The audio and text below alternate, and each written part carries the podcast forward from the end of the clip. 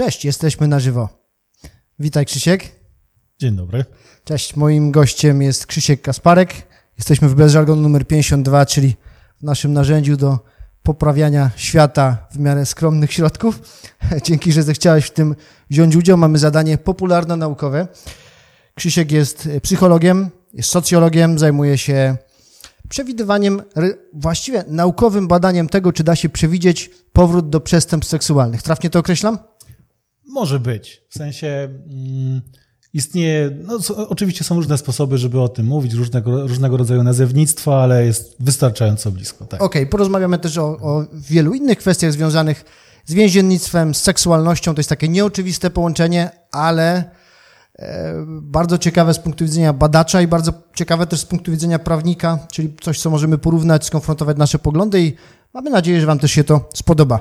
Pamiętajcie, że możecie komentować, możecie zadawać nam pytania. Jesteśmy jednocześnie na Facebooku i na YouTubie, na naszych kanałach pod nazwą Bez Żargonu. Gdybyście odkryli na którymś z tych kanałów, że coś jest nie tak, to pamiętajcie, że nie jesteśmy tutaj sami, jesteśmy z specjalistą, z Pawłem z Wypo Studio. On na pewno będzie w stanie nam pomóc i wrócimy, tak jak się to już kilka razy zdarzyło, że pokonaliśmy przeszkody.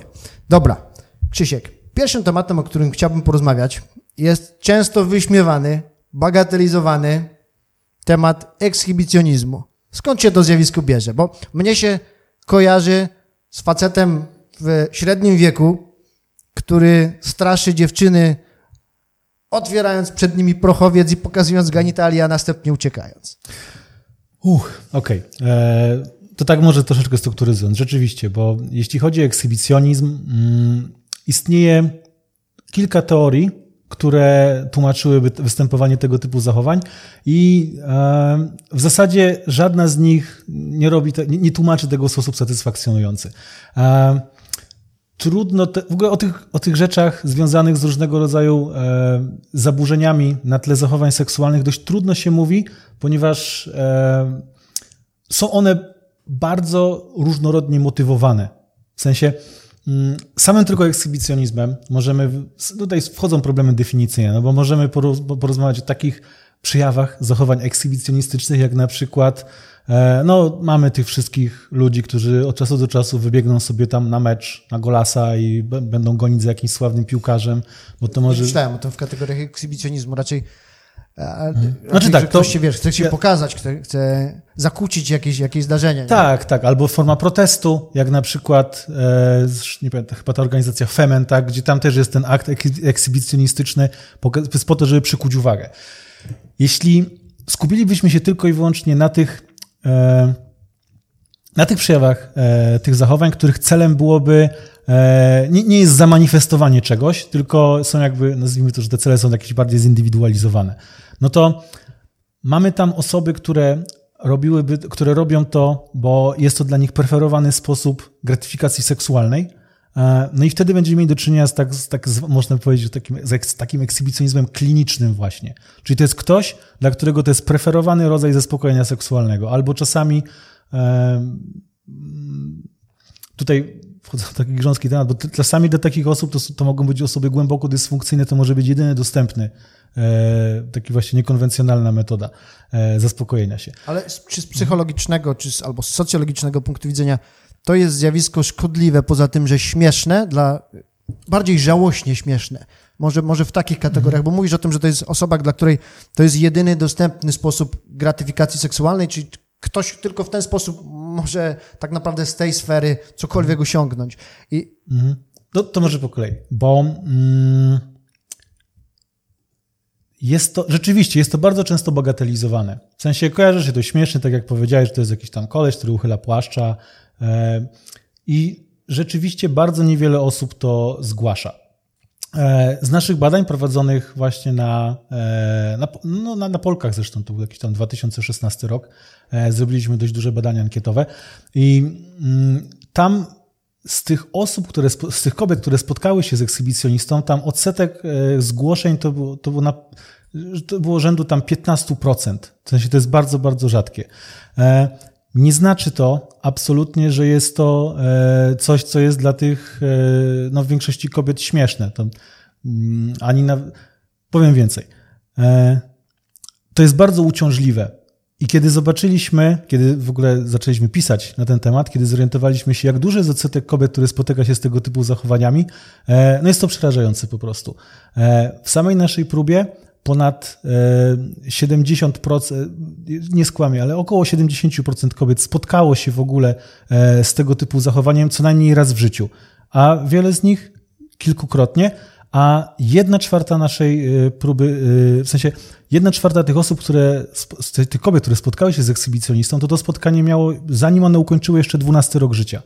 Więc tutaj jak to patrzysz... są bardzo zaskakujące dane, bo tak. spodziewałem się, że to będzie sporadyczne zjawisko. Miałem zapytać, jak często jest to zjawisko, ale jak wy mieliście losową próbę, tak? E, tutaj niestety nie. Mieliśmy tak zwaną próbę dogodnościową, no bo e, no, nie mogliśmy sobie po prostu, nie mieliśmy funduszy na e, lepszy tutaj, e, bardziej rygorystyczny dobór próby.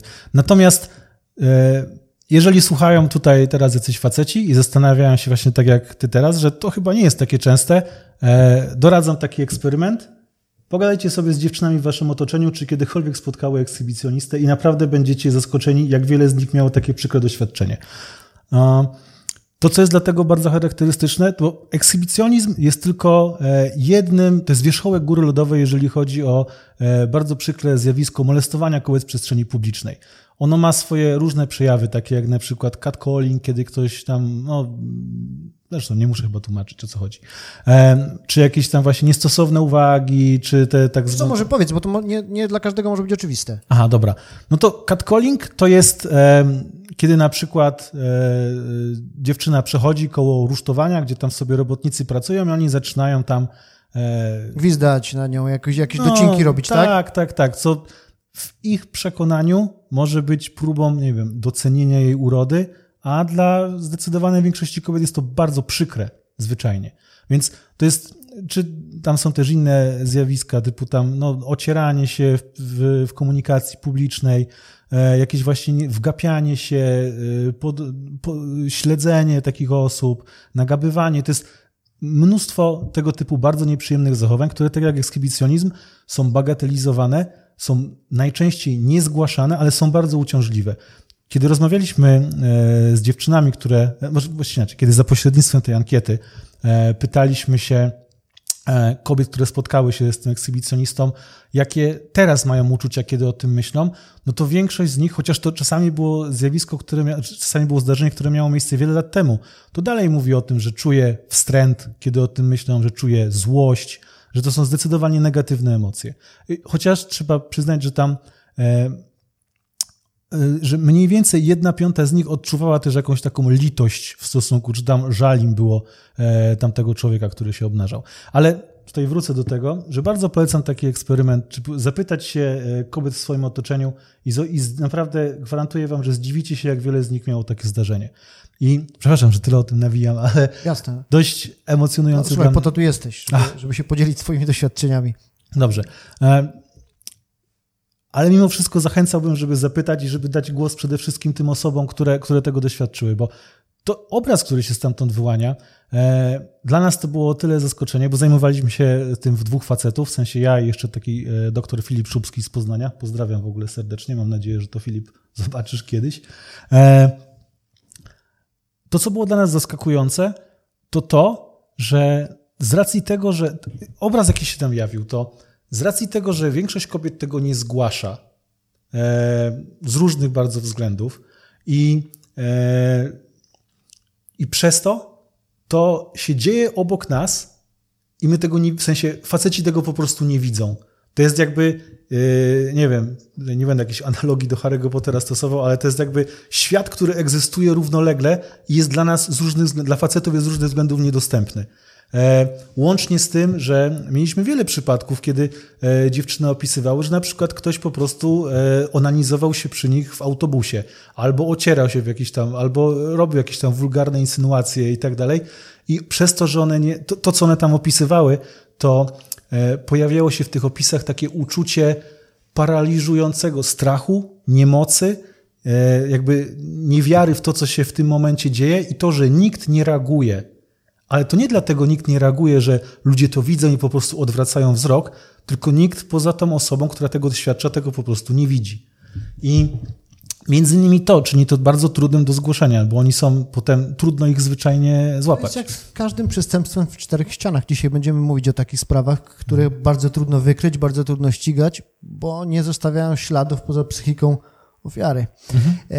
Zastanawiałem się nad tym, dlaczego mówi się, że ekshibicjonizm jest właściwie niekarany w polskim prawie. Oczywiście nie ma takiego przepisu, który mówi, kto obnaża się publicznie przed drugą osobą, podlega karze ale mnie się wydaje, że jednak z wielu różnych e, artykułów dałoby się takie zachowanie ścigać. Ja myślę, że jeśli rzeczywiście problem jest tak dotkliwy, z czego ja sobie nie zdawałem sprawy, bo to nie jest coś, czego ja doświadczam, to nie jest coś, o czym mnie opowiadano i też w życiu zawodowym mnie się nigdy nie zdarzyło, co też nawiązuje do tego, o czym ty mówiłeś, że nikt nawet nie szuka takiej pomocy, prawda? Nikt nie mówi, że e, może pójdę do kogoś i zapytam, czy dałoby się tego syna mhm. ścigać w jakiś sposób.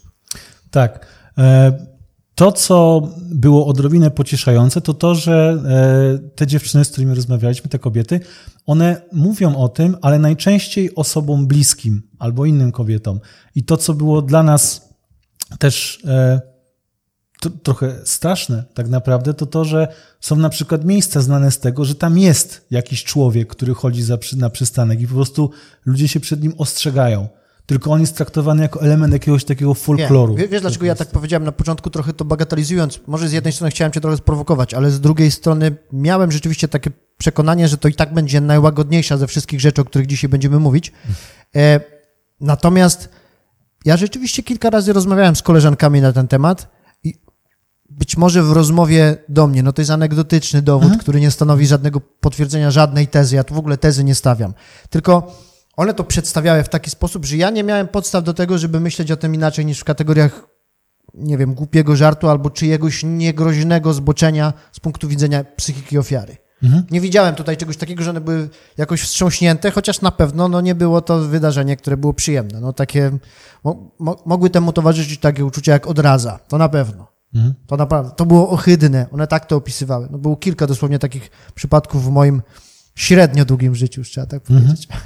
Okej. Okay. E, no tak, ale trzeba się też wczuć e, trochę w rolę takiej osoby, no bo on nie jest łatwe opowiadanie o nieprzyjemnych doświadczeniach tego typu, a poza tym e, no niestety istnieje bardzo wiele mechanizmów, które działają w taki sposób, że osoby, które się na to skarżą, osoby, które się na, na, to głośno narzekają, są odbierane jako właśnie takie, no jest mnóstwo bardzo przykrych zjawisk z tym związanych, że na przykład e, przez to, że chcemy utrzymać obraz własnego świata jako takiego miejsca, który jest sprawiedliwy, e, miejsca, który, gdzie jednak tam dobro zwycięża, a zło zostaje tam skazane, e, to chcemy wierzyć w coś takiego, i przez to na przykład bagatelizujemy to doświadczenie. I właśnie tak myślimy sobie, no ale przecież śmiała się, jak mi o tym mówiła, no to chyba nie było tak źle, a teraz przecież wszyscy się z tego śmiejemy i tak dalej. Więc niemniej to się dzieje i bardzo mało, się, bardzo mało się w tym temacie robi. I tak jak powiedziałeś, no oczywiście e, są mechanizmy, żeby reagować i no nie zapominajmy o tym, że dużo osób w wieku jeszcze tej bezwzględnej ochrony doświadcza takich zachowań i wtedy rzeczywiście tam, znaczy to na kodeksie karnym znasz się dużo lepiej niż ja. Tylko, że właśnie ciągle mało się, mało się, mało się, to jest rzadko zgłaszane. A mamy dowody, na, bo mm, wśród tych nielicznych osób, które to zgłosiły, były opisane bardzo sensowne interwencje policji czy tam Straży Miejskiej, które polegały na tym, że e, zebrali zgłoszenie, tam rzeczywiście zebrali uczciwy wywiad i e, wysyłali tam patrol i było tam, no, w sensie, że podejmowano działania. Więc jeśli mm, mogę do czegoś zachęcić, to żeby zgłaszać takie epizody. Tym bardziej, że jeżeli to jest, jeżeli rzeczywiście dzieje się w taki sposób, że są, jacyś, że są jakieś osoby, które E, że tak powiem, grasują w określonej okolicy, no to jeżeli tych zgłoszeń będzie odpowiednio dużo, no to nawet opiszała policja w końcu wyśle tam patrol, chociażby po to, żeby mieć święty spokój. Mhm. Dalia Krawczyk pyta, zadaje bardzo słuszne pytanie do ciebie. Czy trafiliście w badaniach na przykłady kobiet, które się obnażają? Czy to jest zjawisko badane, albo czy to jest coś, od, na, na, co ty możesz ze swojego naukowego doświadczenia e, opowiedzieć? Mm, rzeczywiście jest takie zagadnienie, tylko ono jest bardzo rzadkie.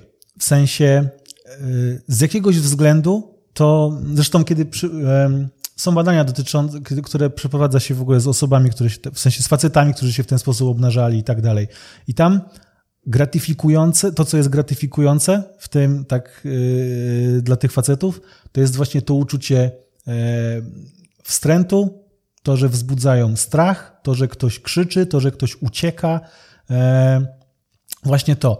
Więc jeśli chodzi, jeśli chodzi o kobiety, to wiem tylko, że istnieje parę opracowań na ten temat. E, jest polskie opracowanie, to, tylko że to też to są badania z jakichś tam, wydaje mi się, że co najmniej lata, co, co najpóźniej lata 70., gdzie ktoś mm, badał, nie pamiętam już nazwiska tego lekarza, ale badał e, stripteaserki pod kątem tego, czy czerpią jakąś tam gratyfikację z tego. E, w sensie przyjemność seksualną z tego, że właśnie tam tańca, obnażania się i tak dalej. I wiem, że były tam opisane e, właśnie kobiety, które czerpały z tego przyjemność, ale to są badania seksuologiczne z 70 więc ja bym tak bardzo się tym nie przejmował. Ale pewnie albo temat jest słabiej zbadany, zdecydowanie, niż, niż zależność odwrotna, jeśli chodzi o płeć, mhm. ale intuicyjnie, znowu, na początku mówiłem o takim intuicyjnym przekonaniu, że nie jest to, jakby prawnik powiedział, e, społecznie szkodliwe zjawisko. Okazuje się, że jest zdecydowanie bardziej niż myślałem. Z drugiej strony, e, teraz myślę intuicyjnie, że jednak kobiety będą e, dużo rzadziej sprawcami takiego zachowania niż mężczyźni. No, no jeśli... mogę ci powiedzieć, że mnie się to nigdy nie zdarzyło. Mhm, no też. Żebym został zaatakowany znaczy, przez bo... panią w płaszczu na przystanku. Mhm, bo mm, są jak, y, okej, okay, na przykład mówi się, jest takie zjawisko jak mooning, nie? że tam kolesi po prostu pokazują gołe tyłki. To jest też flashing właśnie, że tam dziewczyny błyskają tam biustem, nie? Ale to raczej, to są, raczej nie ma to charakteru jakiejś tam gratyfikacji seksualnej. Okay. Chociaż jeśli chodzi na przykład o tych facetów, którzy się obnażają, to nie wszyscy robią to dlatego, że, że, że jest to dla nich seksualnie gratyfikujące. Czasami jest to po prostu akt agresji. W sensie, że już tam że, że właśnie, żeby właśnie zaszokować, żeby pokazać, jak bardzo ty masz kogoś w pogardzie, to tam się obnażyć. To akurat może być osobne przestępstwo nawet na osobie dorosłej, bo mamy przestępstwo stalkingu w polskiej praktyce mhm. zwane stalkingiem. Tak, e, tak. I to tak. przestępstwo jest e, ścigane wprawdzie na wniosek, ale jak już złożysz taki wniosek i złożysz zawiadomienie, to jest ścigane z urzędu, czynności są podejmowane przez policję i prokuraturę, można za to dostać do trzech lat, a oczywiście to jest już e, bardzo skrajny przypadek. Natomiast to uporczywe nękanie, bo to się do tego odnosi, jest y, sposobem na ściganie takich sprawców. Tylko, że tutaj jest jedno, jedno zastrzeżenie, bo ty mówiłeś o tym, że, że ktoś będzie powtarzał takie zachowania. No jednak ten, ten uporczywy, to uporczywe nękanie wymaga wielokrotnych zachowań w stosunku do tej samej tak, ofiary. Tak. No. Ale y, wśród naszych badań też zdarzyły się takie przypadki. Mieliśmy tam, bo e, prosiliśmy też o opis tego, co się działo i e, Większość tych przypadków, które były opisane, to rzeczywiście była sytuacja, że ktoś tam sobie szedł, że tam kobieta sobie idzie przez park i ktoś tam wtedy na przykład z krzaków do niej wołał, albo wychodził, zagadywał i tam okazał, albo dosiadał się w przedziale y, pociągu i tam zaczynał się obnażać. Ale e, mamy też tam opisane e, kilka takich historii, gdzie na przykład e, mężczyzna był sąsiadem kobiety, i kiedy on wiedział, kiedy ona wyjeżdża do pracy i na przykład stał w oknie i tam się wtedy u siebie w mieszkaniu e, onanizował po prostu e, w taki sposób, że w sensie, żeby zwrócić też na siebie uwagę. W sensie, że to było, no ewidentnie czekał, aż ona go zobaczy. Więc to wydaje mi się, że wyczerpywałoby tutaj, podpadałoby już chyba. No myślę, że obaj podpadać. możemy tyle powiedzieć, że ty, ty, z perspektywy badacza i z perspektywy kogoś, kto ocenia to zjawisko, jak bardzo jest ono szkodliwe, jakie są jego źródła, E, a ja z perspektywy prawnika możemy powiedzieć, że wcale ofiary nie są takie bezradne w takiej w sensie sytuacji. Jest, e... Czy to się da leczyć w ogóle? Może to jest, bo chciałbym też przejść do jakichś innych kwestii. Mamy sporo, do, mhm. sporo rzeczy, tak. o których chciałbym Cię zapytać, e, ale czy to, to trafnie nazywam to parafilią? Tak, tak, czy, Może czy... tak, z tego jest e, część osób, które, część facetów, która się w ten sposób właśnie obnaża, która dokonuje takich, takich czynów, podchodziłaby pod definicję parafilii. Czy to tak. się poddaje terapii? Uch, temat rzeka. Ale okay. e, mogę odpowiedzieć krótko. E, to odpowiedz krótko, bo mamy inne nie. tematy jeszcze. E, ale dobrze, bo tutaj też należy się tu krótkie wyjaśnienie. W sensie istnieją, bo, bo to byłoby e, nieuczciwe postawienie sprawy. W sensie nie da się sprawić, że kogoś, kto ma parafilię, czyli kogoś, kto ma e, szkodliwy dla siebie samego, dla otoczenia sposób zaspokajania się seksualnego. Jest to dla kogoś jakby e, główna, wiodący sposób osiągania e, satysfakcji seksualnej przez krzywdzenie kogoś, przez jakby krzywdzenie siebie i tak dalej, i tak dalej. Nie da się sprawić, że jemu się, że się mu przekieruje jakby libido na coś innego. To jest niemożliwe. Natomiast istnieją i są w ogóle podejmowane przykłady e, skutecznych interwencji, które sprawiają, że te osoby potrafią się w lepszy sposób zapanować nad, tym, nad tymi swoimi.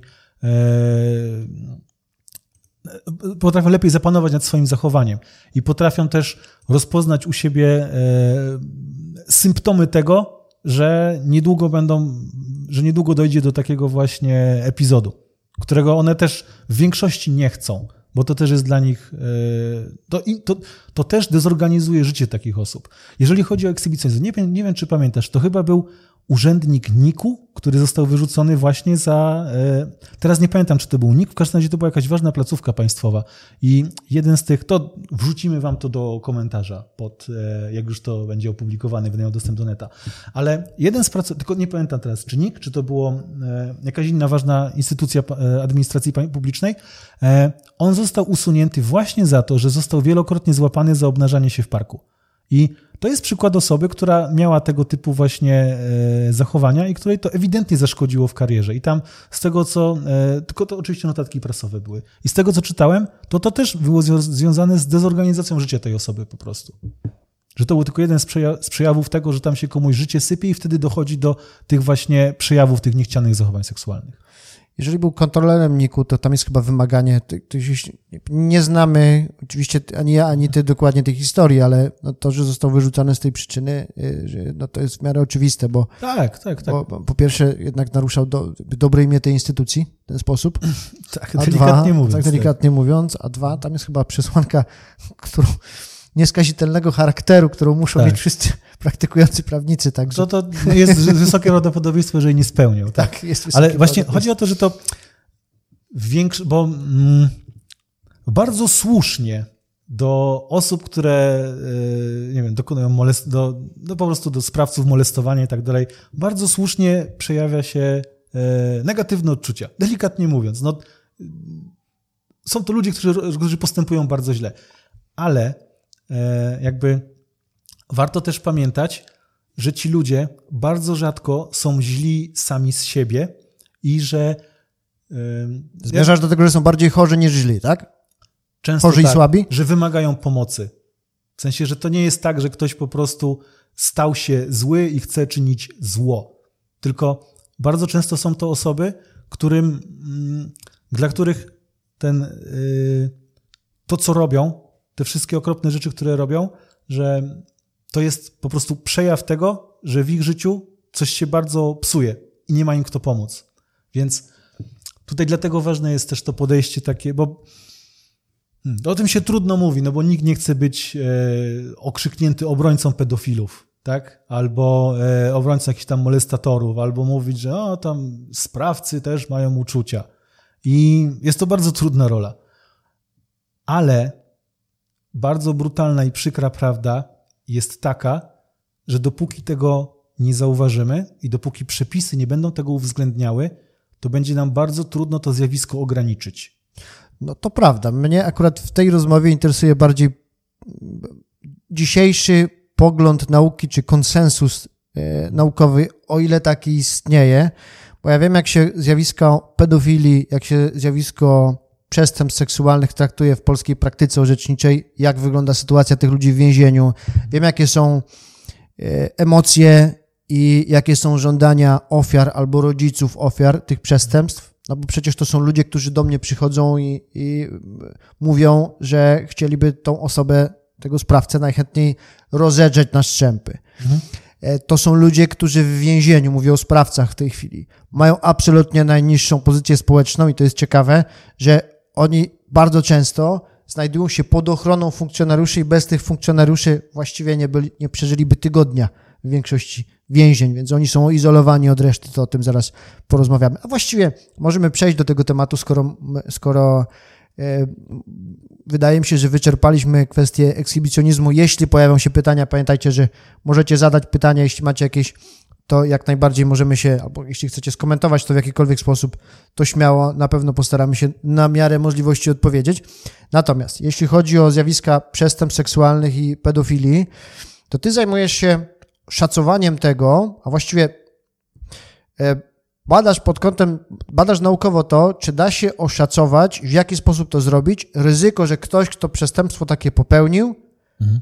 Popełni to znowu. Trafnie to yy, określiłem? Tak, tak. Yy, brzmi to strasznie, bo to brzmi jakby ktoś... A nie, to jest bardzo potrzebne, w tym sensie, że, tak, że tak, jakby ale... nie da się, w prawie przynajmniej, a to się do tego odnosi, bez takiej prognozy, postawionej przez psychiatrów, przez seksuologów, czasem przez psychologów, w zależności od tego, kogo tam badamy, jakie jest przestępstwo, no Właściwie sąd się w 90% opiera na tym, co taki biegły napisze. Ja wiem, że ty biegłym nie jesteś, a jesteś naukowcem, ale badasz to właściwie ten sam przedmiot, którym zajmuje się biegły i pewnie sprawdzasz, co jest bardziej skuteczne. Tak, tak wrócę tylko, bo to brzmi strasznie, bo e, musisz, e, w sensie stawia się e, biegłych w bardzo trudnej roli oszacowania tego, czy ktoś w przyszłości popełni przestępstwo. I to jest no, jeżeli macie teraz, masz teraz skojarzenia z filmem Raport Mniejszości, no to dokładnie tak jest, tylko że u nas nie ma tam kilku jakichś tam psionicznie wzmocnionych osób, które to przewidują, tylko jest zazwyczaj biegły wyposażony w różne, czy tam zespół biegły wyposażony w różnego rodzaju e, narzędzia, które miałyby do tego służyć. I rzeczywiście istnieją e, procedury, które pozwalają z pewną dozą oczywiście e, z pewną precyzją szacować to, na ile jest prawdopodobne, że dana osoba w przyszłości dopuści się ponownego przestępstwa. A, a po raz pierwszy? Że zrobi to po raz pierwszy? Bo czytałem artykuły, które napisałeś na ten temat, razem zresztą ze wspomnianym przez ciebie doktorem Szumskim. E, I tam piszesz o tym, że podejście kliniczne, które dominuje absolutnie w polskiej praktyce orzeczniczej, przynajmniej na ile je trafnie identyfikuje, bo ono nie jest nazywane podejściem klinicznym w opiniach biegłych, które ja czytam. Ono po prostu to polega na tym, że biegły, który normalnie, normalnie, czyli na co dzień zajmuje się leczeniem mhm. i pacjentów, ale także mm, sprawuje jakiegoś rodzaju pieczę nad czy więźniami, czy tymczasowo aresztowanymi, czy detencjonowanymi, czyli ludźmi, którzy, którzy są w szpitalach psychiatrycznych. No i właściwie on wydaje taką, mm, wydaje swoją opinię trochę po uważaniu z mojej perspektywy. To znaczy ma taką perspektywę, że ja mam wrażenie, że ten biegły wyda, to, to mądrze brzmi, to mądrze brzmi, ale ile biegłych, ilu biegłych, tyle opinii. I dla mnie to, takiej, te opinie nie spełniają takiego kryterium trafności, w tym sensie, że on, ten wynik nie będzie za bardzo powtarzalny. I ja, ja, nie mam takiego przekonania, czytając wiele z tych opinii, mogę to spokojnie zgeneralizować. Oczywiście nie wymieniam konkretnych spraw, nie mówię o konkretnych nazwiskach, nie, nie do tego mhm. zmierzam. Mówię tylko o tym, że dominująca w polskiej praktyce metoda szacowania tego, czy ktoś, kto zrobił coś złego, zrobi to znowu, mnie nie przekonuje. Może hmm. tak. Czy tak. to jest z naukowej perspektywy uzasadnione, to co powiedziałem, czy, czy niekoniecznie? Boję się udzielać takich jednoznacznych odpowiedzi, ale tak. E, rzeczywiście e, wymaga się od przepisy zresztą, wymagają od e, sądu przeprowadzenia, czy od różnych tam innych organów przeprowadzenia tak zwanej prognozy dotyczącej tego, czy dana osoba popełni, jest E, prawdopodobieństwa, z jakim ta osoba dopuści się ponownie przestępstwa seksualnego w przyszłości. I no, jak, się, jak się można domyślić, jest to zadanie bardzo trudne, bo jest. E, Śmiało, nie usprawiedliwiaj nikogo. Okej. Okay. Um... Czy są lepsze metody niż te, które, które czy twoim zdaniem? Jest tak, ja, ja wiem, że ty nie opiniujesz w tych sprawach. Ja też w tych sprawach nie opiniuję, więc to to nie jest tak, że my stajemy przed tym wyzwaniem i, i, w związku z tym możemy sięgnąć do własnych doświadczeń. Ja tylko mówię o tym, że w mojej perspektywie, w perspektywie pracy adwokata, opinie biegłych, psychiatrów najczęściej, które dotyczą tego, czy ktoś się w przyszłości jakoś tam zachowa, jakie jest ryzyko, że to zrobi, ma, no nie są. Nie są Być może ze względu na ograniczenia nauki tej dyscypliny wiedzy, bo to może być kwestia tego. One są nieprzekonywujące dla mnie. I jest bardzo wiele powodów, żeby były nieprzekonywujące. To, że tutaj um, powiedziałeś, jeżeli, jeżeli sparafrazuję, e, to um, znaczy mogę sparafrazować, to powiedziałeś, że, to że ile biegłych, tyle opinii, tak? I to wynika z prostego faktu, że bardzo wielu, może inaczej, nie mamy, nie ma specjalnie w Polsce e, jakichś albo jeżeli są, to y, zdecydowanie jest za rzadko, próby ustrukturyzowanej, w sensie wystandaryzowania procesu wydawania takich opinii. I rzeczywiście bardzo wielu biegłych, e, bardzo wiele biegłych orzeka na podstawie swojego doświadczenia klinicznego, jakichś swoich pomysłów na ten temat, swojego e, kształcenia w tym zakresie, a kształcenie to jest, e, nie jest specjalnie regulowane. W sensie nie, nie ma, nie mówi, jak mają nie to ma, robić. Nie ma jakiegoś, jakichś... Nie ma, nie ma jakichś standardów, do których można... W sensie nie ma jakichś polskich standardów, przynajmniej nie są mi wiadome, jakieś polskie standardy, do, które by obowiązywały wszystkich biegłych dotyczących tego, jak ma być wydawana taka opinia. Oczywiście istnieją miejsca, gdzie szkoli się biegłych pod względem tego, jak powinna wyglądać ta ocena. Natomiast tego, szkolenia, te, te, tego typu szkolenia nie są wcale obowiązkowe. A do tego ośrodki, które szkolą, różnią się pod tym względem. Więc są ośrodki, które są bardzo dobre, e, jeżeli chodzi o szkolenie, są na bieżąco, konsultują się z najlepszymi specjalistami, jeżeli chodzi e, o tą dziedzinę na świecie, a są takie ośrodki, które, się, które tak dobrze swojej wiedzy nie aktualizują. A do tego też są biegli, którzy się szkolą i są biegli, i to, i to wcale nie jest większość biegłych niestety. I są biegli, którzy się nie szkolą. Dlatego może inaczej. Powiem, niewygodnie ci, rozumiem, że nie chcesz występować z, pozycji krytyka e, wobec pewnej grupy, bo to zakłada pewną generalizację, jakby ja to rozumiem. Znaczy tutaj, że tak Bardziej tutaj... mi chodziło o krytykę nie samych biegłych, tylko niektórych metod. To jakby do, do tego zmierzałem. Czy znaczy, istnieje coś lepszego? Może tak. Może, e, bo też nie ma co się wzbraniać przed krytyką biegłych. Jeśli chodzi o opiniowanie sądowe, jeśli chodzi o opiniowanie psychologiczne, jeżeli chodzi o opiniowanie seksuologiczne, poziom jest e, ogólnie kiepski. Wynika to, e, w sensie, wynika to tak jak mówiłem, nie ma jakichś obowiązkowych standardów. Nie istnieje coś takiego jak wymagany, egzekwowany e, wzór, jaki ma kształcenia biegłych, chociażby. Ich wspólne, wspólne ścieżki edukacyjne, którą muszą przyjść, muszą przejść. I no, przez to, jeżeli, jeżeli mamy na przykład sąd, który jest w miarę świadomy tego, jakie, są, jakie obowiązują standardy w tej dziedzinie, a jest to bardzo rzadkie, bo skąd taki sąd miałby o tym wiedzieć, jeżeli nie, jest, nie specjalizuje się akurat w tej dość wąskiej dziedzinie wiedzy, jakby.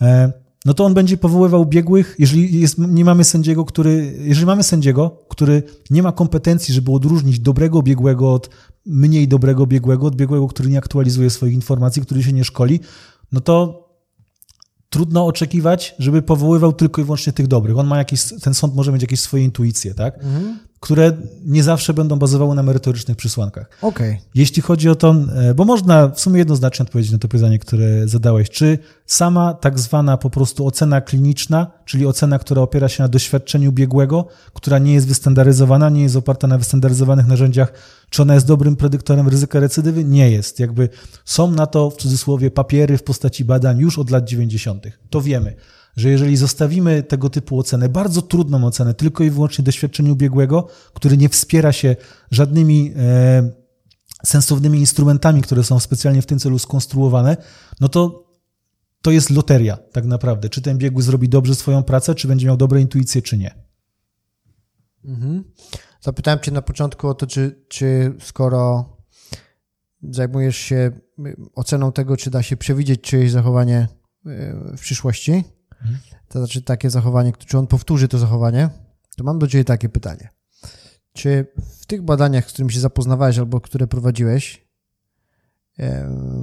natrafiłeś na jakąś, jakiś ślad tego, żeby na przykład jakaś konkretna grupa zawodowa była, w, tej grupie było e, więcej pedofilów niż w innej. A mam na myśli księży.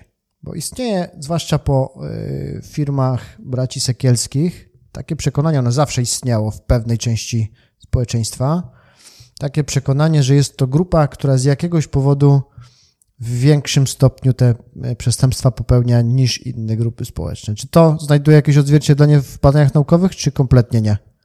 Uch. Mm. Jeśli chodzi o. Może tak.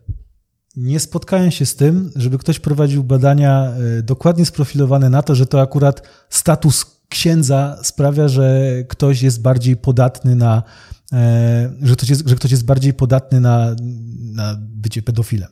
E, też mm, trzeba rozróżnić, bo termin pedofilia i termin pedofil jest, szasta się nim na prawo i lewo. W związku z tym, że wiąże się z nim, to jest bardzo duża moc określenia kogoś pedofilem. Bardzo bardzo, to jest bardzo mocna stygma. Tak, tak, no taki to jest bardzo status, którego nikt nie chce, prawda? W związku z tym, że no, no, chyba nie trzeba tego tłumaczyć. No jasne. Dlatego pedofilami, no słyszałem na przykład, że na przykład, że ktoś tam współ, może inaczej, klinicznie pedofilia jest wtedy, te, czyli te zaburzenia parafilne o typie pedofilnym, jest wtedy, jeżeli dla kogoś preferowaną E, preferowanym sposobem zaspokojenia seksualnego jest podejmowanie aktywności seksualnej z osobą, która nie rozpoczęła jeszcze dojrzewania płciowego. Jak to po ludzku powiedzieć, to jak ktoś woli z młodymi. O, nie do końca, no bo mamy właśnie. To, bo... Poniżej 15 roku życia, no, z, z prawnego punktu widzenia. Te, tylko, że to jest kategoria prawna. Tak. I prawnie e, pedofilem będzie określana osoba, która na przykład e, dopuściła się tam innej czynności seksualnej z osobą, która miała tam na przykład 14 lat, czyli jest poniżej Prawda. tego wieku prawnej Prawda. ochrony. Jeżeli chodzi o kryteria psychiatryczne, psychologiczne, nie zawsze to się będzie pokrywało. Co więcej, rzadko się to będzie pokrywało, bo takich osób, które, które rzeczywiście są dotknięte tą parafilią e, w typie pedofilii, jest mało. Bo stety, niestety, inaczej, zawsze niestety,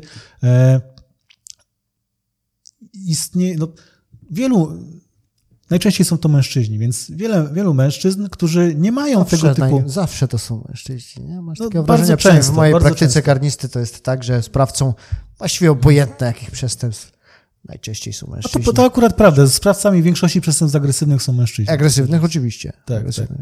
tak. E, natomiast relatywnie niewielki odsetek facetów, którzy podejmują współżycie e, czy jakiekolwiek inne czynności seksualne z osobami poniżej wieku ochronnego, rzeczywiście jest takimi klinicznymi pedofilami, których psychiatra nazwałby, e, czy tam psychiatra, psycholog nazwaliby pedofilami. E, na szczęście takich osób jest relatywnie mało. Niestety ciągle mamy o wiele za dużo osób, które podejmują tego typu aktywności. Tylko. Mm, ale jak to się ma do, do tej kategorii, którą akurat wyróżniłem ze względu na niedawne filmy, mówiąc szczerze, tak, tak. Do, do, więc, do księży? Więc tak jak mówię, to no to jest wiedza dostępna, to są znane przypadki. To są przypadki, które zwłaszcza w mniejszych miejscowościach dotyczą ludzi bardzo znanych lokalnie. Mhm, tak. Więc tak patrząc z socjologicznego punktu widzenia, no to w tym statusie, e, w tym statusie księdza czy tam w tej roli społecznej księdza jest kilka rzeczy, które, które sprzyjają ukrywaniu takich zachowań albo temu, że te zachowania, że tak powiem, uchodzą. No bo mamy tak, mamy przede wszystkim relacje władzy. To jest struktura silnie hierarchiczna. A do tego, jeśli chodzi o e, jakieś tam lokalne społeczności, to jest często osoba, która jest w bardzo mocnej pozycji.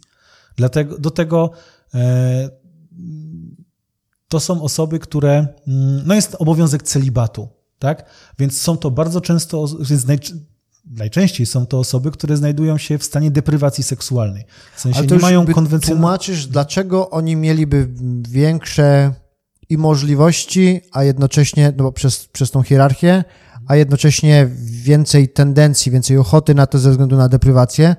Ale czy w ogóle można mówić o tym, żeby w danej grupie żeby, żeby w tej grupie, żeby to były częstsze przypadki niż w, w innej grupie losowej, czy, czy, czy nie wiadomo? Może tak. E, gdyby to była prawda, to musiano by wykazać, że istnieje jakiś mechanizm selekcji akurat do tej grupy, który sprawia, że osoby o tego typu preferencjach, o tego typu skłonnościach rekrutują się tam częściej niż do, niż do innych grup. A w sumie trudno, znaczy trudno mi sobie teraz, bo no, okej, okay, jeśli chodzi o katolicyzm i na przykład e, mm, sam fakt moc, takiego mocnego wypierania tej początkowej seksualności, obciążania tego sferą grzechu, jako tam właśnie sfera grzechu i tak dalej, no to rzeczywiście ktoś, kto, e, wyobrażam sobie, że ktoś, e, kto ma jakieś tam ciągoty, z którymi sobie nie radzi po prostu, że lgnąłby bardziej w, tamtym miejscu, w tamto miejsce, e, nie wiem, łudząc się, że tam będzie, nie, że to go od tego ocali, że tam Pan, Pan Jezus mu te e, ciągoty wymarze i tak dalej. Ale to są takie, mówię, to są dość ryzykowne spekulacje. W sensie, to co wydaje mi się, że to jak w ogóle działa e, mówienie o przestępstwach seksualnych, to że to jest, to jest potężny temat, to jest rzecz, która robi ci czerwony nagłówek wytłuszczonymi literami, więc o tym się bardzo dużo mówi. E, nie jest to wcale najczęstszy rodzaj przestępstw, jaki jest popełniany. Nie, no oczywiście. Nie chcę tutaj tak. w żaden sposób bagatelizować. Jasne, nie, są bardzo poważne przestępstwa. A w takim razie inna grupa. Taka. Um, a taka teza. Czy wśród gejów jest więcej osób, y, które mają skłonności pedofilne niż wśród y, osób heteroseksualnych? Czy tu się da coś powiedzieć? To nie jest oczywiście moja teza, tylko. Jasne, jasne. Znaczy wiem skąd to się bierze. Jasne. To... Uh, więc tutaj to mogę uczciwie powiedzieć, że do tej pory nie istnieją absolutnie żadne rzetelne, pod, e, żadne, żadne rzetelnie przeprowadzone badania, które udowadniałyby tą tezę. W sensie, które dawałyby jakiekolwiek argumenty na rzecz tej tezy.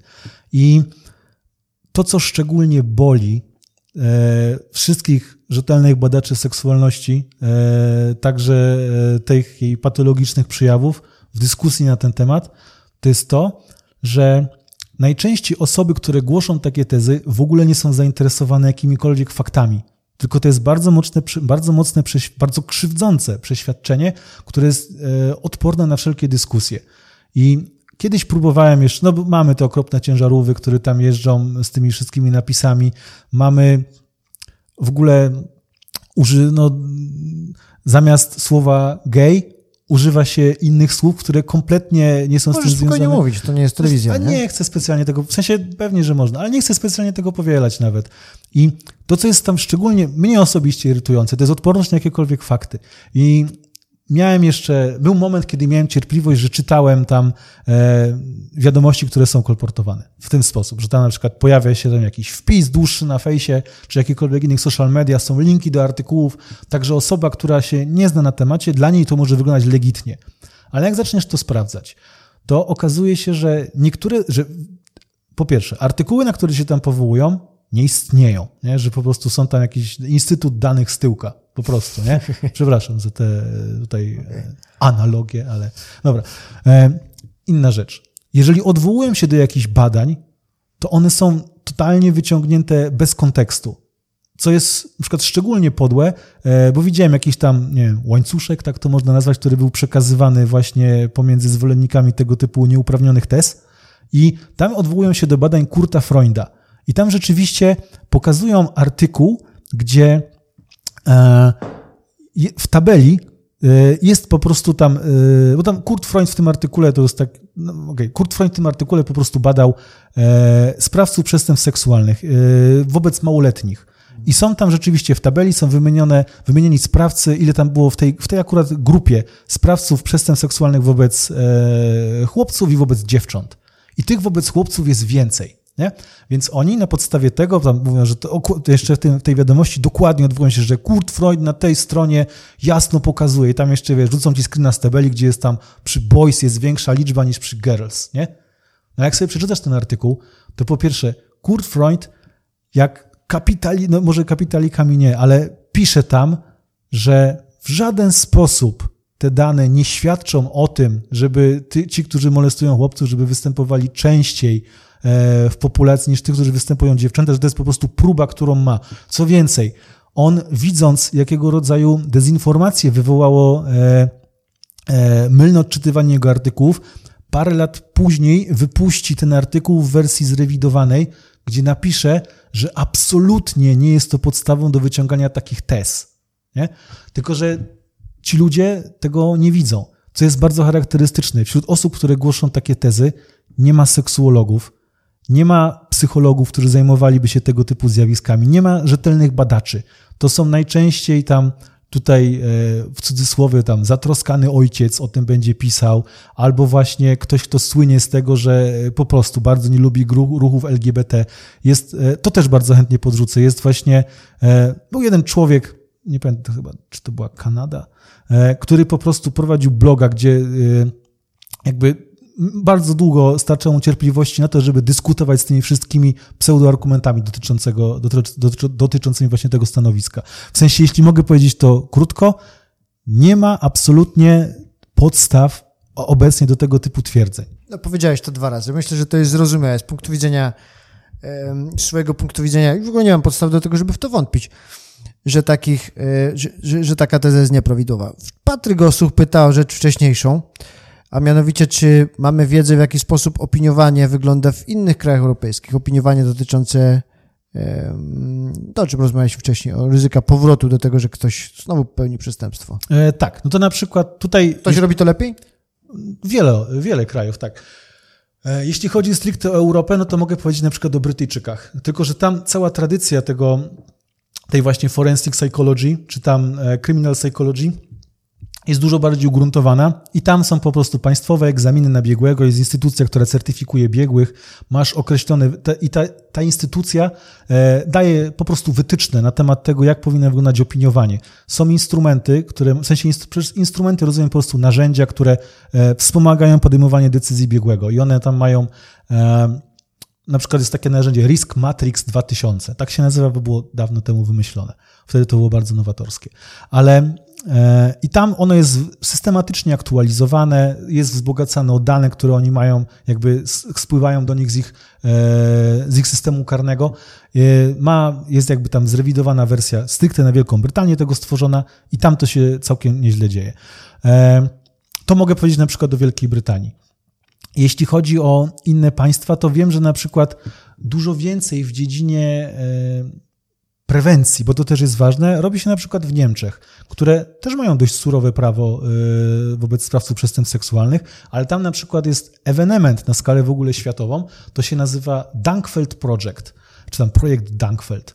I chodzi o to, że no, pomysł w sumie bardzo kontrowersyjny na pierwszy rzut oka, ale uruchomiono specjalną infolinię dla, e, no, dla ludzi, którzy czują, że mają po prostu pociąg seksualny w stronę osób małoletnich.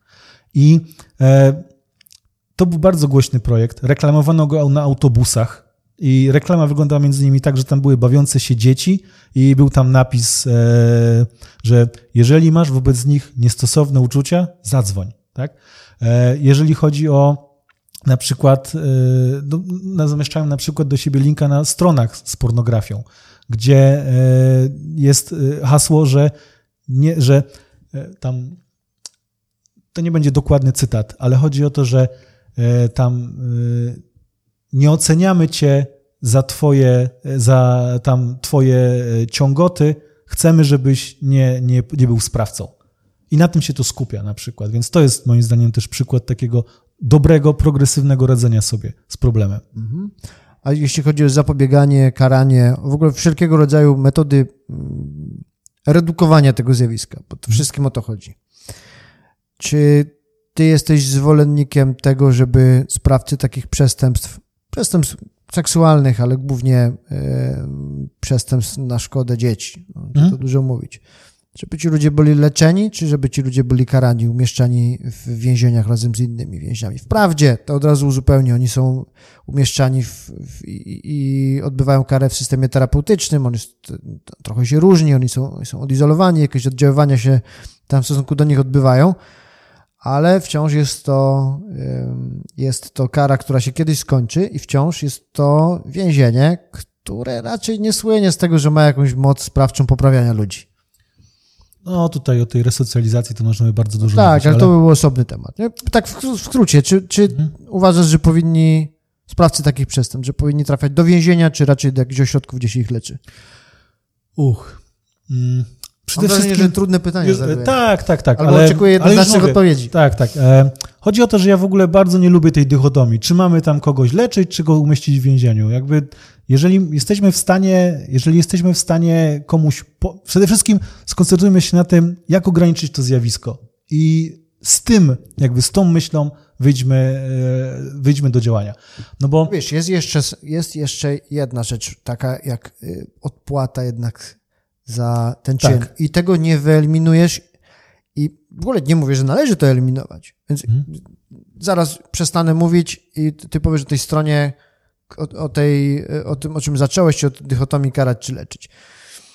E, Natomiast miałem zresztą taką rozmowę dwa tygodnie temu z Filipem Duskim, rozmawiałem o, o, o narkotykach i tam też rozmawialiśmy trochę na temat tego, czy y, sprawców tych przestępstw karać czy leczyć. No to jest trochę podobny temat w tym sensie. A oczywiście inne zupełnie zachowanie, jeśli chodzi o moralną, szkodliwość też, moralną ocenę tego i akceptację społeczną, ale też jeśli chodzi o, o, o część sprawców można rozważać, czy karać, czy leczyć.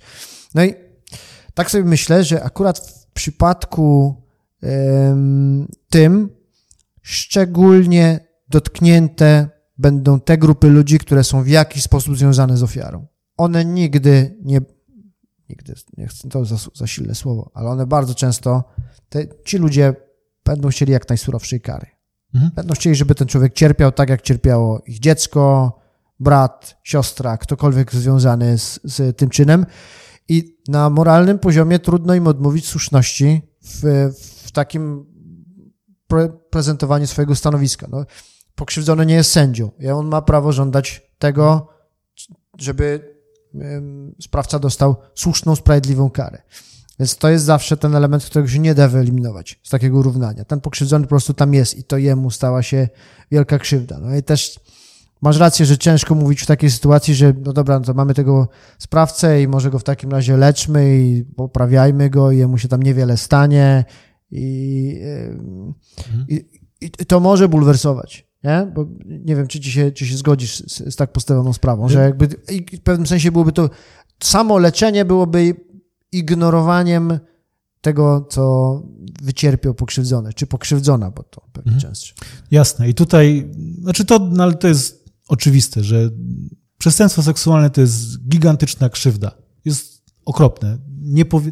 Im mniej ich jest, tym lepiej. To jest jakby mało powiedziane jeszcze w tym temacie. I e, jednym z. Kiedy czyta się na przykład, e, jak. e, No bo najczęściej ofiarami przestępstw seksualnych padają właśnie kobiety. I ładunek jakby smutku, krzywdy, goryczy, rozpaczy, wszystkich innych bardzo, bardzo negatywnych emocji, które te kobiety doświadczają, zwłaszcza po tym, jak widzą, że tam mm, zgłoszony, a zbagatelizowany przez jakieś tam organy ścigania facet, który je tam molestował, on sobie żyje, święci sukcesy i tak dalej, no to nie, nie da się tego wyrazić słowami za specjalnie. Tak samo ból rodziny po e, stracie, czy tam dzie- dziecka, które zostało skrzywdzone. Ja i też tak case Jeffrey'a Epsteina, Tak. tego, tego e, finansisty chyba ze Stanów, który się powiesił, chociaż pewnie się nie powiesił, w, popełnił samobójstwo w więzieniu, chociaż pewnie ktoś mu pomógł. Tak, który przez lata Dziesiątki lat był dostarczycielem, Mhm. e, by- był dostarczycielem tak naprawdę dla wielu bogatych i prawdopodobnie znanych osób, młodych dziewczyn z całego świata do, na różne imprezy i, i no, to jest tak bulwersująca sprawa, że no, przypomniało mi się po tym, jak Mhm. powiedziałeś o, o tym, że, oglądasz kogoś takiego, Tak, który pisze E, potem felieton tak. do New Yorkera, żeby przykład, na przykład. żona e, Joe Bidena nie mówiła sobie doktor. Tak, no był. Może e, nie mówmy o Epsteinie. Albo może mówmy, bo za długo o nim nie mówiono. E, natomiast, jeśli chodzi o zdecydowaną większość sprawców przestępstw seksualnych, z którymi, e, w sensie, którzy figurują w aktach, no bo nie czarujmy się, że więzienie w Polsce ma, tutaj jest bez żargonu, ale pozwolę sobie na jeden element, więc... e, Chyba kilka razy sobie pozwoliliśmy. A, może, dobra, okej. E, W każdym razie, jeśli chodzi o więzienie w Polsce i o to, kto w ogóle trafia do więzienia w Polsce i kto jest karany w Polsce, ma to ewidentnie wymiar klasowy. W sensie, do więzienia trafiają ludzie, którzy najczęściej mieli bardzo ciężki start, którzy pochodzą e, z rodzin zdecydowanie uboższych, to jest... e, W sensie, ludzie, którzy na dzień dobry mieli bardzo, bardzo ciężko. I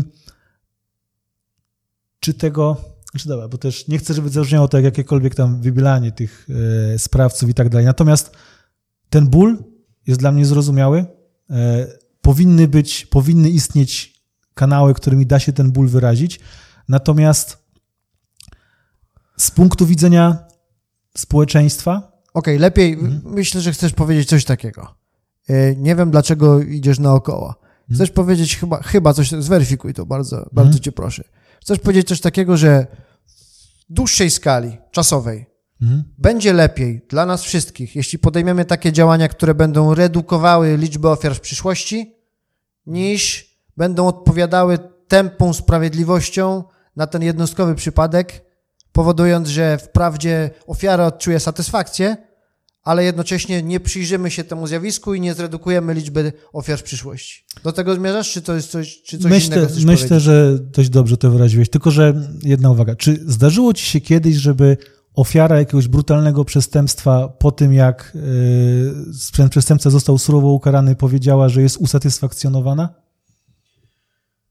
Wiesz co, tego rodzaju tak, ale nie w takiej sprawie. Mhm. Nie w takiej Więc... sprawie, bo to, to są sprawy, które nie przywrac... one są nie, nieodwracalne. Czas może czasem za... czas może zaleczyć yy, tą ranę. Mhm. I to nie u wszystkich. Dlatego tak.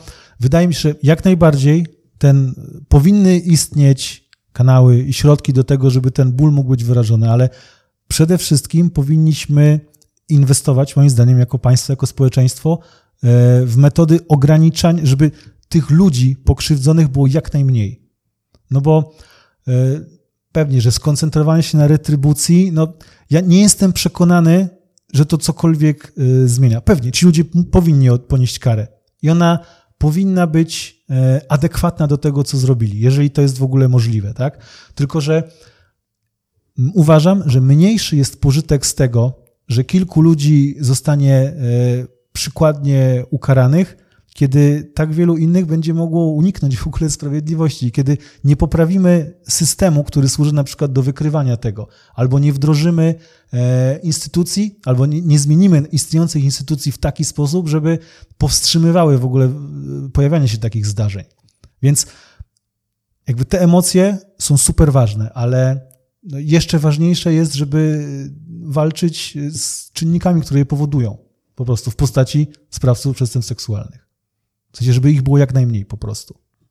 I, te, i to jest trudne zagadnienie, bo no to jest ten, o, jest taki wyświechtany przykład, który pokazuje się tam studentom pierwszego roku socjalizacji, że są więzienia w Norwegii, gdzie ci ludzie, tam na przykład jest ten Breivik, który upominał się tam o internet i się skarżył, że ma... O coś takiego. O PlayStation, tak. I to jest bulwersujące. I ludzie mówią, że jak tak można, że lepiej, że jak on może mieć PlayStation i tak dalej. A fakty są takie, że system norweski, jeżeli chodzi o resocjalizację, jest na dużo wyższym poziomie niż na przykład system polski. I tam powrotność do przestępstwa jest dużo mniejsza wśród osób, które opuszczają te zakłady karne.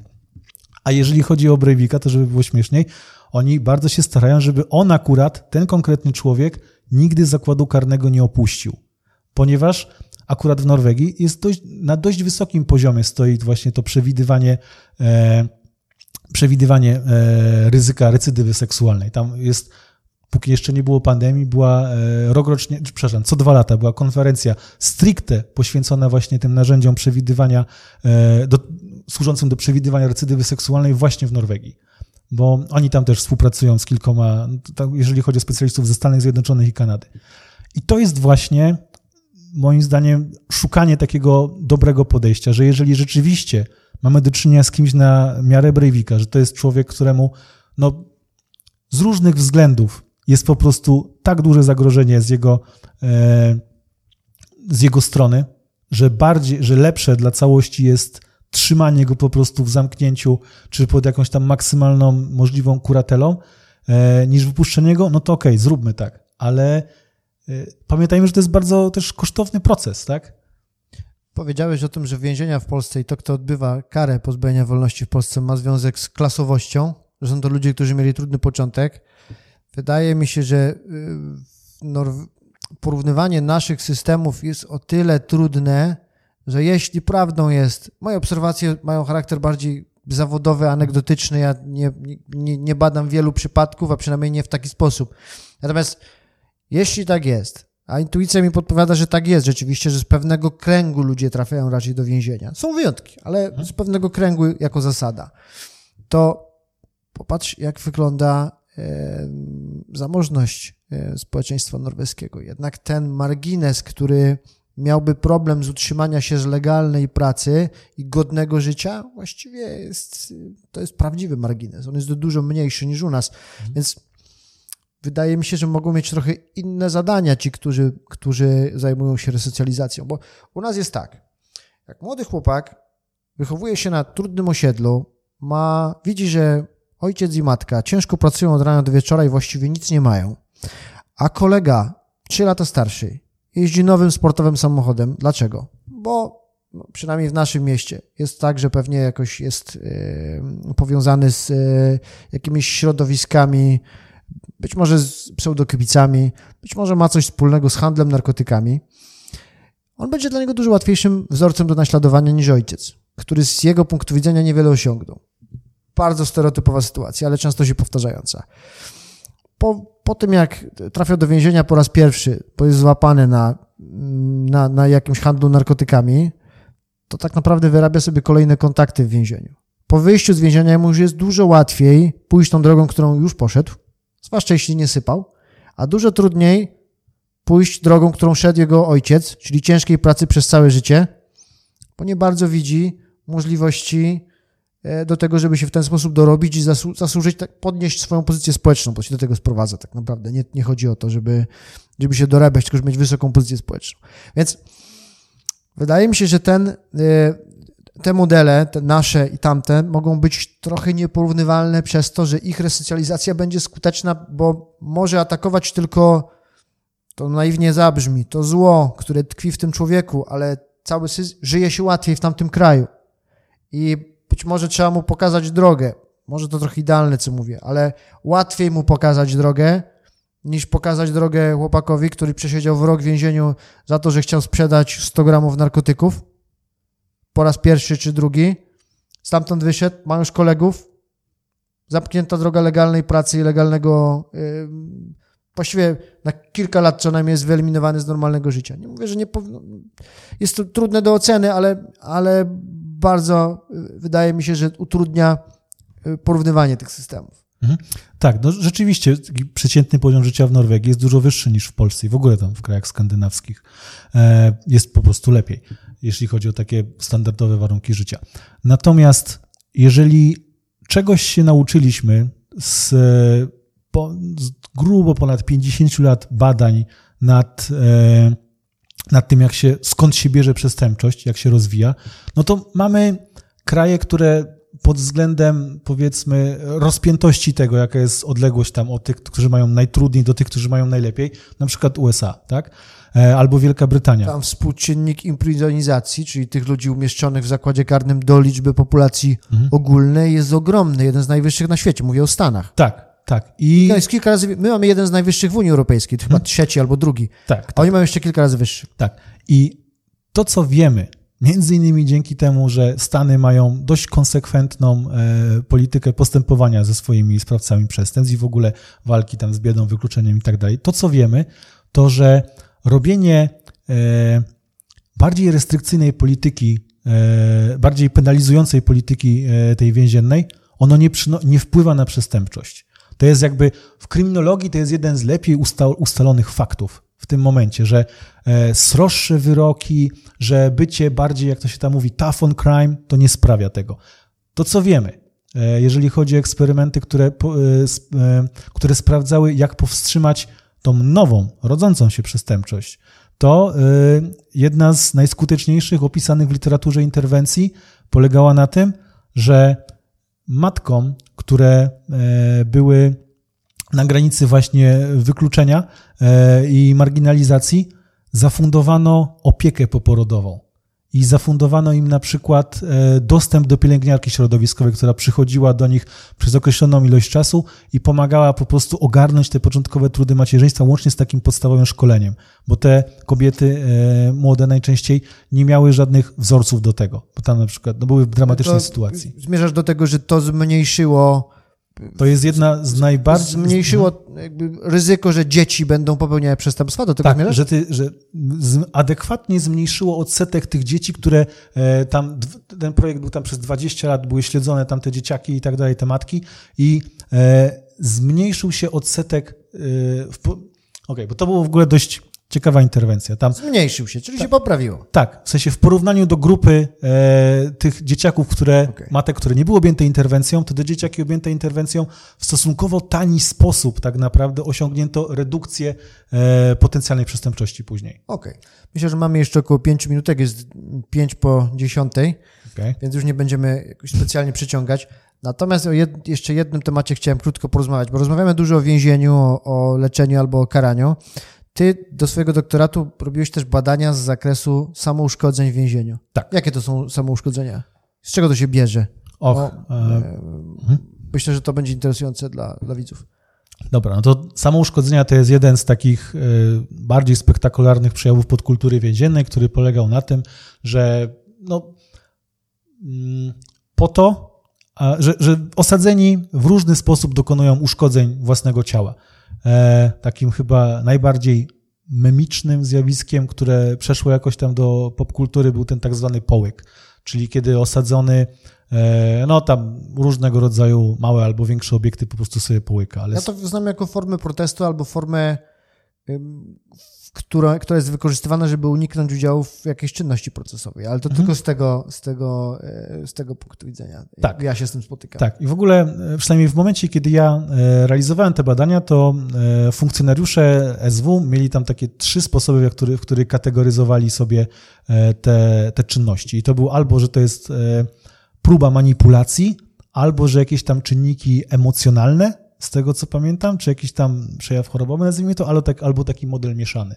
I e, to, co przynajmniej e, ten obraz, który wyłania się e, z moich badań dotyczących powodów podejmowania tego typu uszkodzeń, to że bardzo rzadko można mówić, że jakieś tam, że, że te zachowania były motywowane tylko jedną rzeczą. To najczęściej był dość skomplikowany obraz tego, jak ten system działa i do czego prowokuje tych ludzi po prostu. Mm.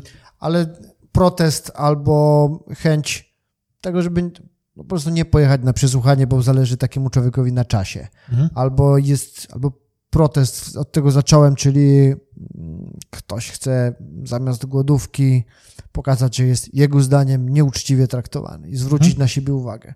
To są jakieś, jakieś czynniki, które się pojawiały w Twoim badaniu, jako wyjaśnienie tak. tego, dlaczego ktoś to robi? Wiesz, no robi ktoś sobie krzywdę, czasem trwałą i czasem ryzykuje bardzo dużo, jeśli chodzi o swoje zdrowie, więc jakieś powody musi mieć. Chyba, że jest to. No, to były takie przypadki, które, które można e, analizować jako próby samobójstwa, czy to chodzi tylko o zrobienie sobie krzywdy albo zamanifestowanie, pokazanie, że, że jest ci źle?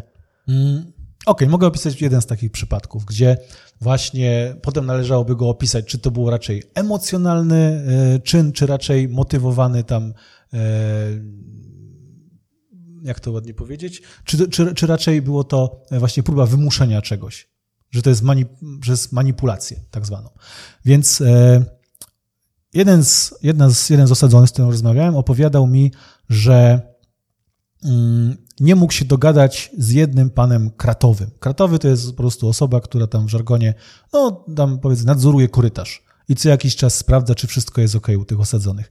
I jeżeli dobrze pamiętam, to ten e, tamtejszy kratowy nie chciał po prostu, w sensie jakoś tam ewidentnie utrudniał życie e, tym osadzonym i przez to, że robił w opinii tych osadzonych pewne rzeczy opieszale, to e, jeden z nich nie mógł skorzystać z telefonu, a dla niego był ten telefon bardzo ważny.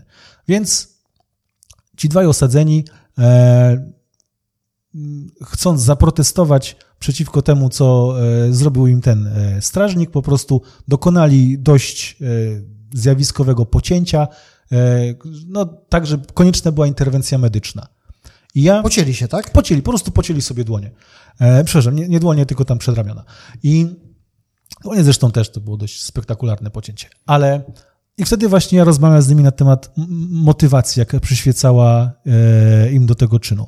No więc z jednej strony e, oni byli wkurzeni na tego e, strażnika i chcieli i było to, było to ewidentnie motywowane emocjonalnie, bo tak to zresztą było opisywane, że tam było bardzo silne wzburzenie, złość, bezsilność i tak dalej. Z drugiej strony, zaraz po opisie tych emocji pojawiła się informacja, że specjalnie to zrobili i specjalnie to zrobili e, pod koniec, e, bo wiedzieli, że on będzie kończył dniówkę niedługo, więc specjalnie to zrobili pod koniec dniówki, dlatego, żeby, bo on wtedy wiadomo, że będzie ich musiał zabrać na szpital, że będzie musiał spisać tego dość po prostu żmudny protokół, bo tam idzie cała, e, tam idzie sporo takiej papierkowej roboty i wiedzieli, że on przez to spóźni się do domu i będzie musiał z nimi dłużej siedzieć i że będzie ich potem musiał brać na zmianę bandażu i tak dalej. Więc Czyli powód banalny z punktu widzenia. Wyrządzają sobie wielką krzywdę, banalny to, to źle to określiłem, ale wyrządzają sobie wielką krzywdę po to, żeby relatywnie niewiele zaszkodzić temu funkcjonariuszowi. Może nie czy mogli, relatywnie, czy... może bo nie mogli bardziej. Może A. o to chodzi. Przede wszystkim trzeba wziąć pod uwagę, w jakim oni egzystują systemie. Dla nich to było, nie ma, w sensie człowiek, człowiek, nad którymi oni jedyną władzę mają poprzez e, to, że on będzie miał przerąbane, jeżeli ich zdrowiu i życiu coś będzie zagrażało. Tak jest, o, to jest prawda. Więc- To jest prawda, że y, strażnicy, służba więzienna musi uważać na tych ludzi. Tak, bo wtedy Tak A swoją naprawdę drogą, ten człowiek, jeden i drugi, oni odpowiadają, odpowiedzialnie, oni odpowiadają dyscyplinarnie za to. To jest ciekawe. też to są jest tak, że narażeni, dostają za to dyscyplinarkę, czyli jakąś karę.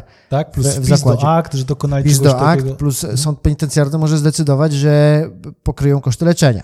Może ich obciążyć kosztami leczenia akurat w takiej sytuacji. Może się tak zdarzyć, więc ci ludzie są postawieni w takiej sytuacji, że tak naprawdę jedyną walutą, którą oni dysponują przeciwko temu człowiekowi, który ma nad nimi każdą władzę, tak naprawdę, staje się ich zdrowie.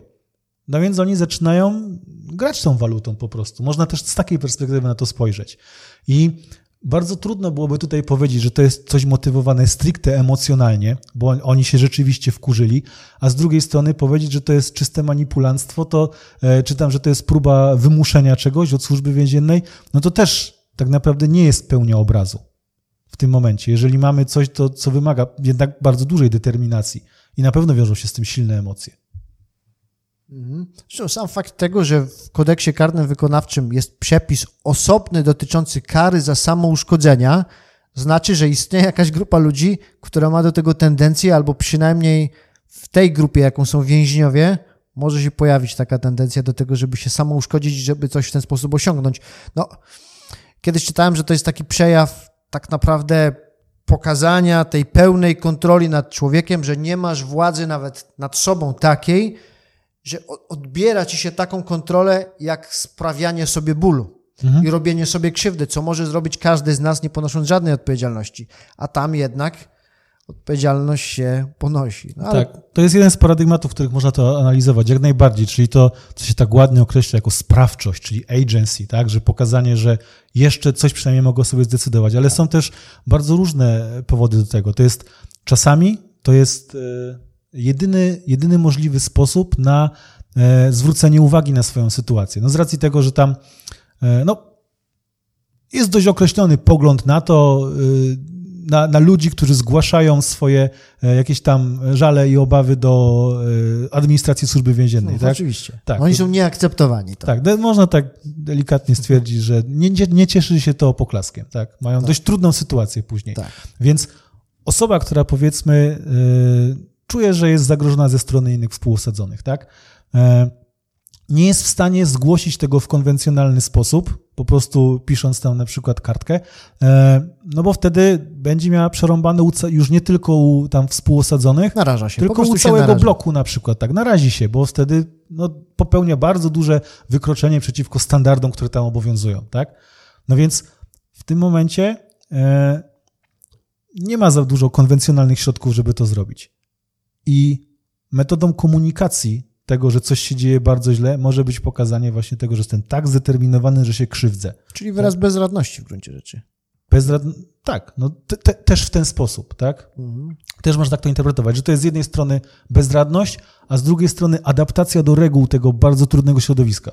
Po prostu, gdzie nie masz konwencjonalnej, konwencjonalnego sposobu, żeby zgłosić, że się dzieje źle, masz jakby tam, nie wiem, w cudzysłowie honorowy sposób na to. 74 minuty tego programu mówią mi, że, Że wystarczy. że wystarczy Okej. i że lubisz na ten temat mówić i że rzeczywiście się w tym spełniasz. Dzięki bardzo, że przyszedłeś. Pozwól tylko, że zapowiem następny program. W następnym programie Paweł Ślis spotka się z e, Szymonem Jadczakiem, z dziennikarzem, który zajmował się między innymi sprawami pseudokibicowskiego ruchu w Wiśle Kraków. Myślę, że to będzie bardzo ciekawy temat. A my już za dzisiaj dziękujemy. Dziękujemy za cierpliwość. Mamy nadzieję, że miło się nas słuchało. Dzięki Krzysiek, że wpadłeś. Dzięki za zaproszenie. Do zobaczenia ja za dwa tygodnie, ale program odbędzie się normalnie o 21 w przyszły poniedziałek z Pawłem Ślizem i z Szymonem Jadczakiem. Dobranoc, do zobaczenia.